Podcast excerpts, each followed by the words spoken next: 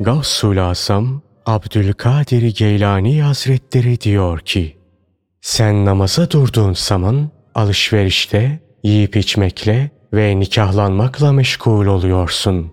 Bedenin namazda fakat kalbin bunlarla meşgul. Zerrece ihlas ve tevhid olmayan namazın sana ne faydası olur? Eline yorgunluktan başka bir şey geçmez.